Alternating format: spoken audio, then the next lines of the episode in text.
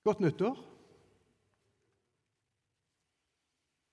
Første nyttårsdag det er jo en dag der vi ser tilbake på det året som er gått, og legger det bak oss. Så ser vi framover til det året som kommer. I så måte så kunne det vært nærliggende å benytte teksten som Paulus bruker, nemlig 'Jeg glemmer det som er bak, og strekker meg ut etter det som ligger foran'. Men vi skal ha en annen tekst som går i samme gate.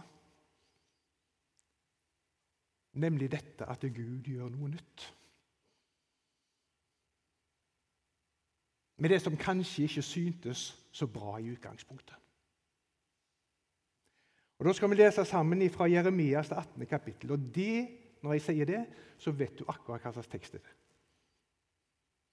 Om Jeremias som hadde et budskap til judafolket innenfor den faren som sto foran, nemlig babylonerne som ville innta Jerusalem og ødelegge tempelet. Han ble ikke hørt, men gjentok det gang på gang. Og vi leser i Jesu navn fra Jeremias 18, fra vers 1. Dette er det ord som kom til Jeremias fra Herren. Stå opp og gå ned til pottemakerens hus. Der vil jeg la deg høre mine ord. Jeg gikk da ned til pottemakerens hus, og se, han gjorde sitt arbeid på dreieskive. Og det kar som han gjorde av leiren, ble mislykket i pottemakerens hånd. Da gjorde han det om igjen til et annet kar, slik han ville ha det. Og Herrens ord kom til meg, og det lød så.: Skulle ikke jeg kunne gjøre med dere, Israels hus, som denne pottemakeren, sier Herren. Se, som leiren er i pottemakerens hånd, slik er dere i min hånd, Israels hus. Amen. Hellige Far, hellige du oss i din sannhet. Ditt ord er sannhet. Det går som en rød tråd i Jeremias-profetien innenfor den situasjonen som israelsfolket, eller judafolket egentlig, sto overfor, nemlig faren fra Babylon. Jeremias var en profet som ville advare kongens hus og folket. Og Advare dem til omvendelse, så de skulle unngå den faren som sto foran. Men de hørte ikke på han. Jerusalem var full av falske profeter som forkynte fred og ingen fare. Og Jeremias var en ensom røst som ble håna, trakassert, forfulgt og torturert. Men han sto på med budskapet ifra Herren, som sier, 'Ja, jeg vil bygge opp, men først river jeg ned.' 'Jeg vil plante, men først river jeg opp.' Og Her i Jeremias det 18. kapittel så får han dette bildet av pottemakeren som skal lage karet til Guds ære. Og så går det i stykker. Slik det kan gå med karet i pottemakerens hånd, var det en oversettelse som sier.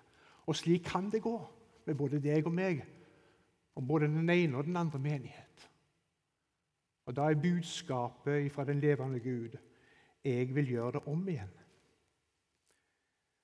Når vi tenker på første nyttårsdag og ser tilbake på, på det året som er gått, så setter vi oss kanskje nye forsetter nye planer, nye målsetninger. Jeg vil begynne på nytt. Det er ikke det Herren sier her. Herren sier, 'Jeg, sier Herren, vil begynne på nytt'. Det betyr egentlig at det er Herrens verk, alt sammen det som han skal gjøre. Og vårt anliggende Vårt innslag i det han skal gjøre, er å legge oss på dreieskiven på nytt igjen. Slik at Herren får gjøre med oss slik som han vil. og danne det karet slik som han har tenkt.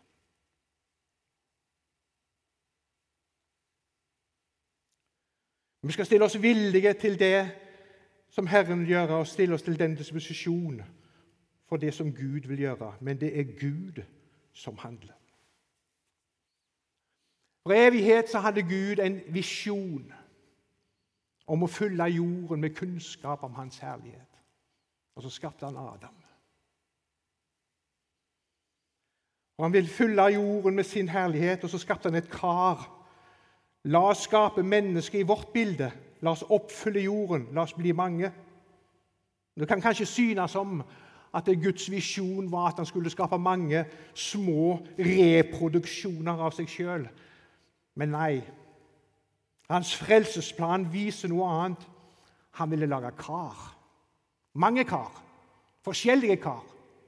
Runde kar, firkanta kar, ovale kar. Dype kar og grunne kar. Pene kar og mindre pene kar. Karen er forskjellig.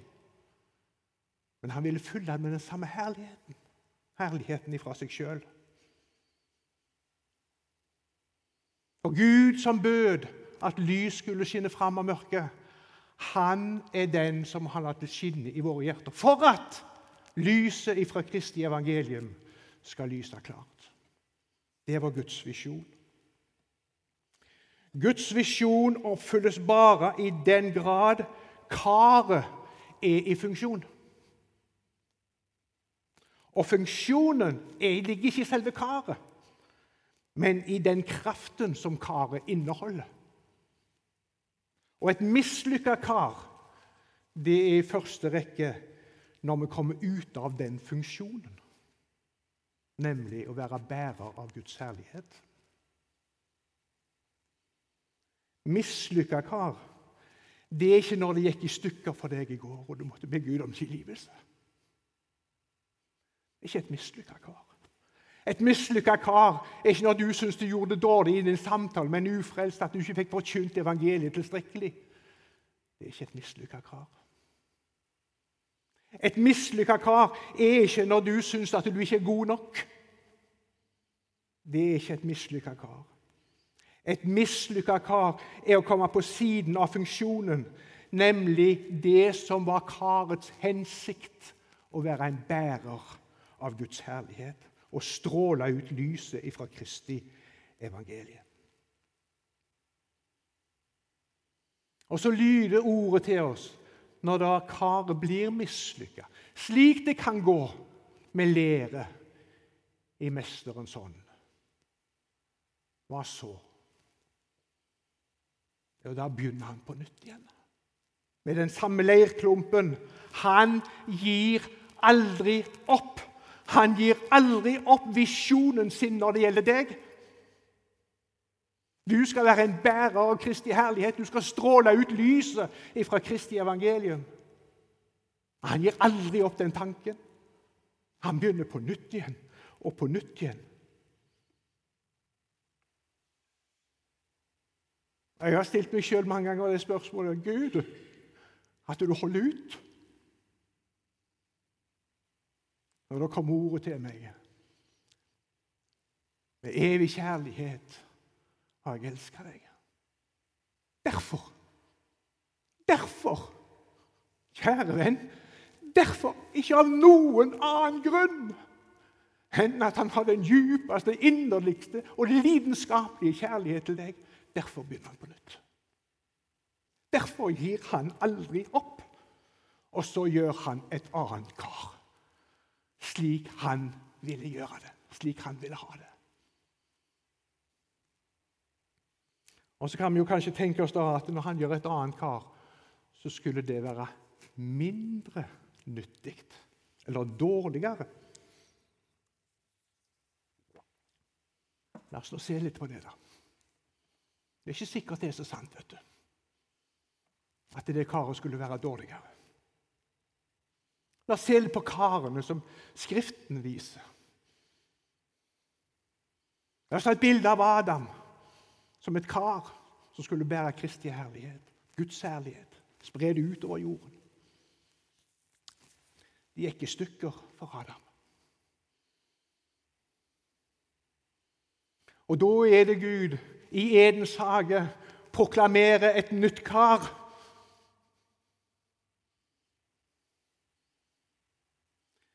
Jeg vil ta av den samme leirklumpen, Adam. Og så vil jeg lage et nytt kar.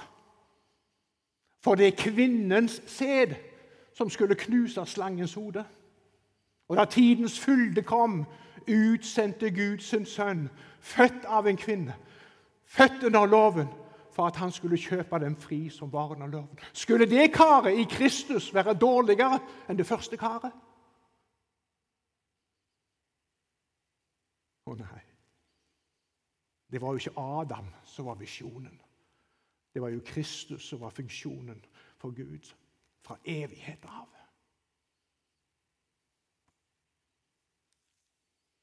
Eller ta tempelet, da. Salomos tempel. Med all sin herlighet og all sin prakt. Når dronningen fra Saba kom og fikk se det, så sa han selv ikke halvparten var blitt meg fortalt. Kledd med gull fra øverst til innerst. Sølv ble ikke regna noe i Salomos dager. Det var bare gull som gjaldt. I all sin herlighet i all sin prakt. Men Jeremia sto innenfor den situasjonen at tempelet skulle bli ødelagt når Nebukadnesar kom og inntok Jerusalem. Gikk Guds visjon i fløyten? Så ble tempelet bygget opp igjen ved Serubabel og Josva etter tilbakekomsten fra Babylon. Og Herodes bygga videre på det, det tempelet som Jesus opererte i og forkynte ifra i Jerusalem. Det ble også ødelagt i år 70. Men forut for det så hadde Jesus forkynt bryt dette tempelet ned, og på tre dager skal jeg gjenreise det. Skulle det være et dårligere tempel? Når Gud får gjøre sin, sitt arbeid og få bygge karet på nytt igjen. Det blir så slettes ikke noe dårligere. Eller den gamle pakten, da. Som Israels folk ikke klarte å holde. Brøyt gang på gang. Så forkynte Gud jeg vil gjøre en ny pakt. Loven ikke lenger på steintavler, men loven skrevet på hjertets kjøttavler. Og så vil jeg ta meg av dere i en ny pakt. En pakt i Kristus Jesus. Skulle det være en dårligere pakt? enn den gamle pakten. Når Gud gjør noe nytt, så gjør han det større. Han gjør det herligere enn det som forut var. Det går som en trend gjennom hele Guds ord. Han har alltid noe større, noe herligere for øyet. Jeg er vokst opp i denne menigheten fra jeg var født. Jeg er ikke barn av vekkelsen. I så måte får jeg være, si at jeg er vekkelsens barnebarn. Mine foreldre var født i vekkelsen. Og Jeg har hørt om de gamle som fortalte om vekkelsen. Fortalte når det kom skipslast fra Stavanger med nyfrelste mennesker og inntok byen. Og det var vekkelsesluft over hele byen. Og Du kunne ikke gå på bussen engang uten at du hørte mennesker snakke om Jesus og synge om Jesus. Det var en atmosfære i Haugesund den gangen, i den siste del av 30-årene. Det er mange år siden. det.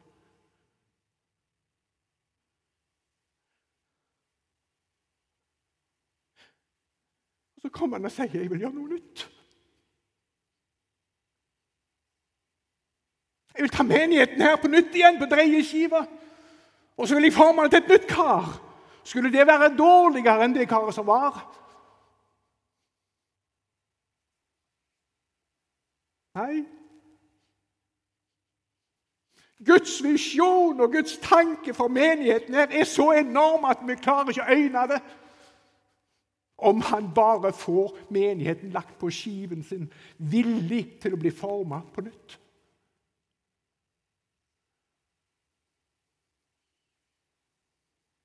Slik det kan gå med karet i Mesterens hånd.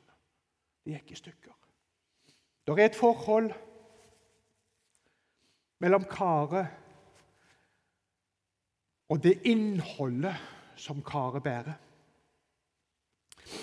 For det er veldig nærliggende for oss mennesker å betrakte karet framfor karets innhold.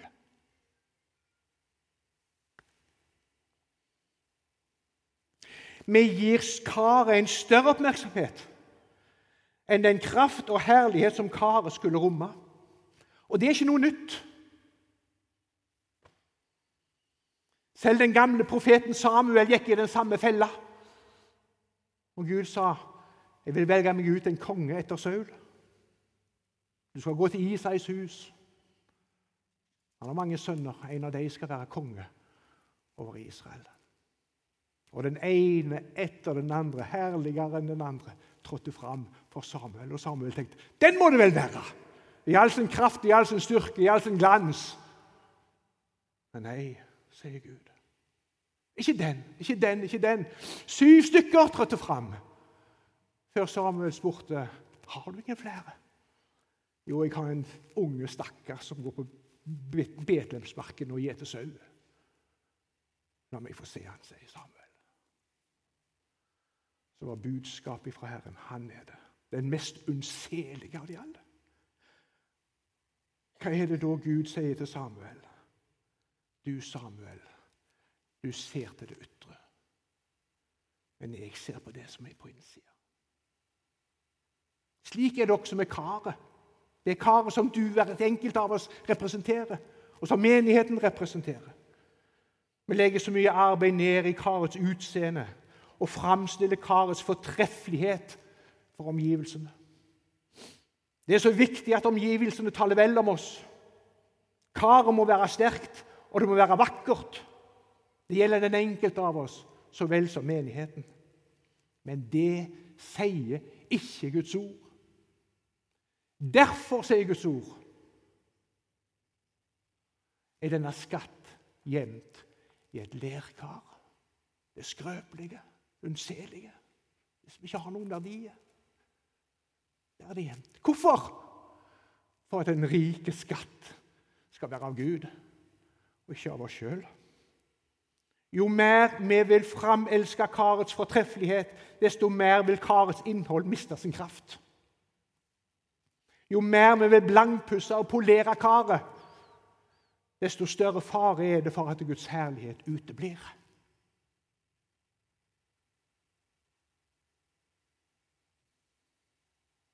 Og det var kanskje derfor Paulus, han som hadde så mye innabords og så mange ting han kunne rose seg av, så var det kanskje derfor han sa Jeg roser meg ikke av noen ting annet enn min svakhet.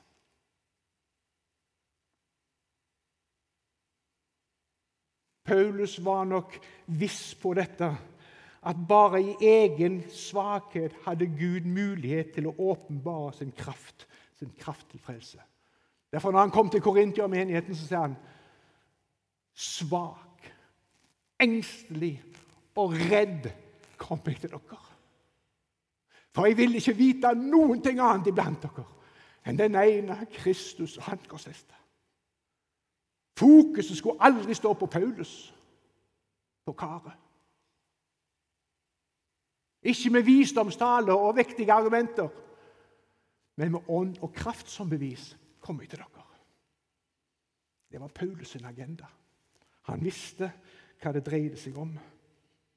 Det er ikke karet som skal skape beundring blant omgivelsene.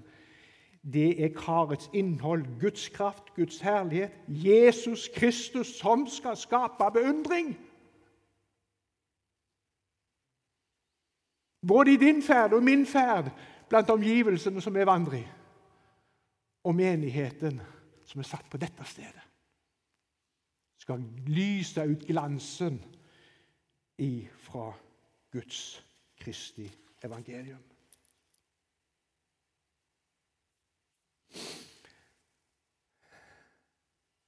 Vi lever i en tid i vårt samfunn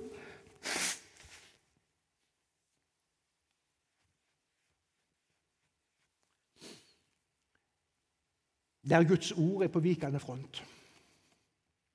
Langt inn i kristne menigheter. Og de gamle normene oppløses. Og de norske lovene er ikke lenger tufta på Guds ord. Og leveregler som før var en selvfølgelighet, og også nedlagt i samfunnslovene, det gjelder ikke lenger. Normoppløsningen og lovløsheten har spredt seg i samfunnet vårt, også langt inne i kristne kretser. Og så kan vi skylde på lovgiverne, som vedtar feil lover. Eller vi kan skylde på kreftene utenfra som påvirker presset på de politiske myndighetene. Men hvordan kan vi forvente at verdslige myndigheter skal fatte lover og vedtak som er i samsvar med Guds lov?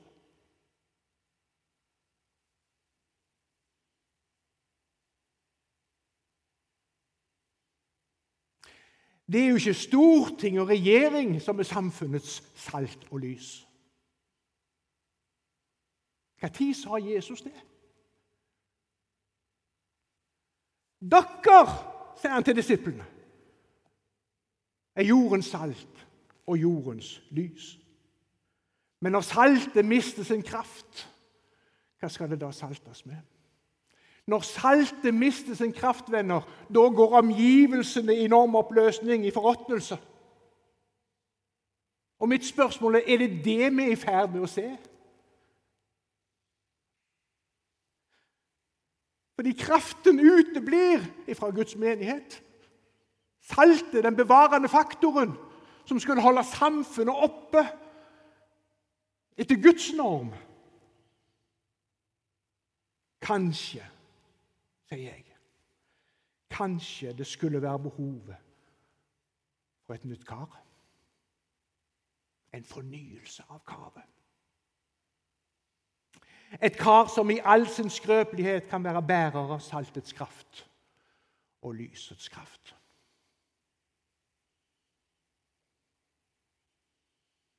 Og så en hemmelighet til slutt.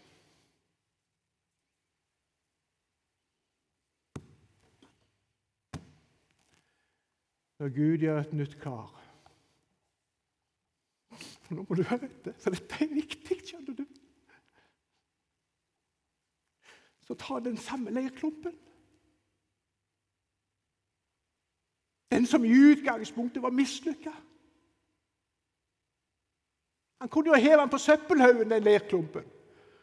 Her er det for mye stein, her er det for mye harde klumper. Her er det for mye dritt, her er det for mye skitt, her er det for mye som jeg ikke vil ha kunne Gud sagt nei. Han tar den samme leirklumpen, den som gikk i stykker. Så begynner han på nytt, og så begynner han på nytt. Og Det vil han gjøre med meg, og det vil han gjøre med deg. Og det vil han gjøre med Guds menighet.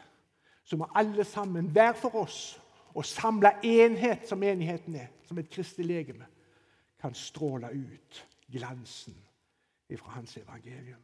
Og være den bevarende faktor i vårt samfunn her. Og for menigheten i Norges land være den bevarende faktor for Norges land. Er du med på det? Det er én betingelse, og den betingelsen rettes til oss. Og det er betingelsen om at vi er villige til å legge oss på dreieskiva. Det kan være tøft, det.